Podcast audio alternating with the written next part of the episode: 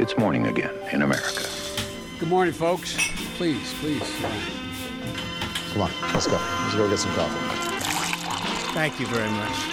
Det er tirsdag 10. april, og morgenkaffen fra amerikanskpolitikk.no er servert.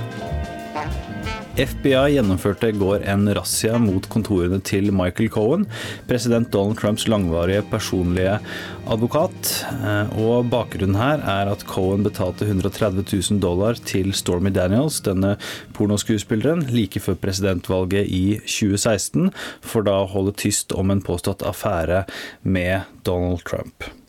Det er også andre undertoner her. Ikke alle detaljene er kjent, men det som i alle fall er sikkert, er at de ikke kunne fått gjennomført en slik razzia med mindre de hadde god grunn. De hadde altså gått gjennom kontoret hans og hotellrom og sikret seg mange, mange papirer. Og det her er jo også tilknyttet til eh, denne Russland-etterforskningen til spesialetterforsker Bob Mueller, som skal ha bidratt med informasjon um, som de har benyttet seg av i denne razziaen. Eh, og um, Trump knytter det også selv til eh, Mueller og denne heksejakten, som han omtaler det.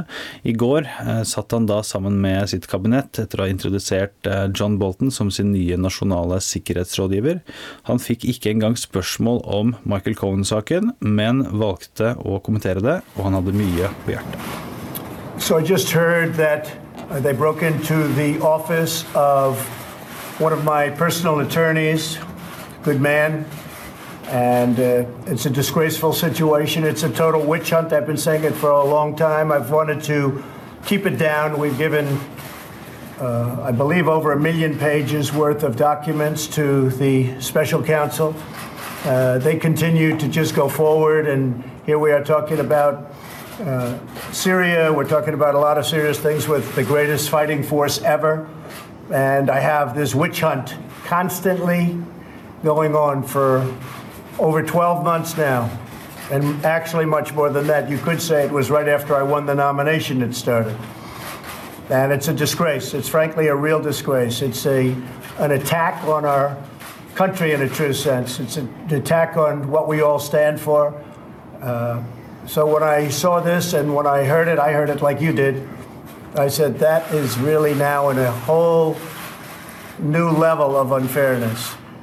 So this has been going on. I, I saw one of the reporters uh, who is not necessarily a fan of mine, not necessarily very good to me. He said, in effect, that this is ridiculous. This is now getting ridiculous. They found no collusion whatsoever with Russia. The reason they found it is there was no collusion at all. No collusion. Uh, this is the most uh, uh, biased group of people. These people have the biggest conflicts of interest I've ever seen. Uh, Democrats, all, or just about all, For å oppsummere her, altså Trump kaller det en heksejakt. Han kaller dette et angrep på landet vårt.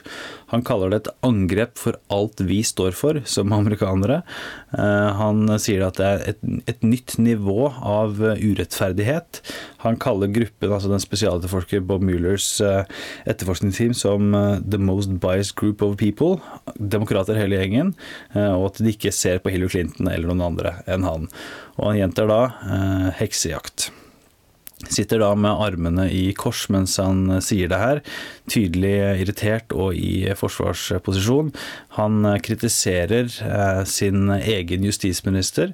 Han kritiserer eh, e, hans egne folk i eh, FBI, og han åpnet også opp for muligheten for å kunne sparke Bob Mueller på et senere tidspunkt. Ville ikke Eh, avslå den muligheten. Så mm, John Farrow, eh, president Barack Obamas tidligere taleskriver, eh, oppsummerte det her på, på Twitter, der han skrev at det, det framsto som om Trump bare gikk gjennom og leste opp alle sine verste Twitter-meldinger på rekke og rad i denne seansen foran pressen.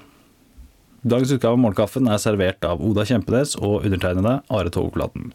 Du leser mer om disse og andre saker på amerikanskpolitikk.no. Vi setter stor pris på alle som har gått til ampol.no kaffetips og brukt et lite minutt på feedback om denne podkasten her. Da kan du fortsatt vinne en Ampol-kopp som du kan drikke morgenkaffen i.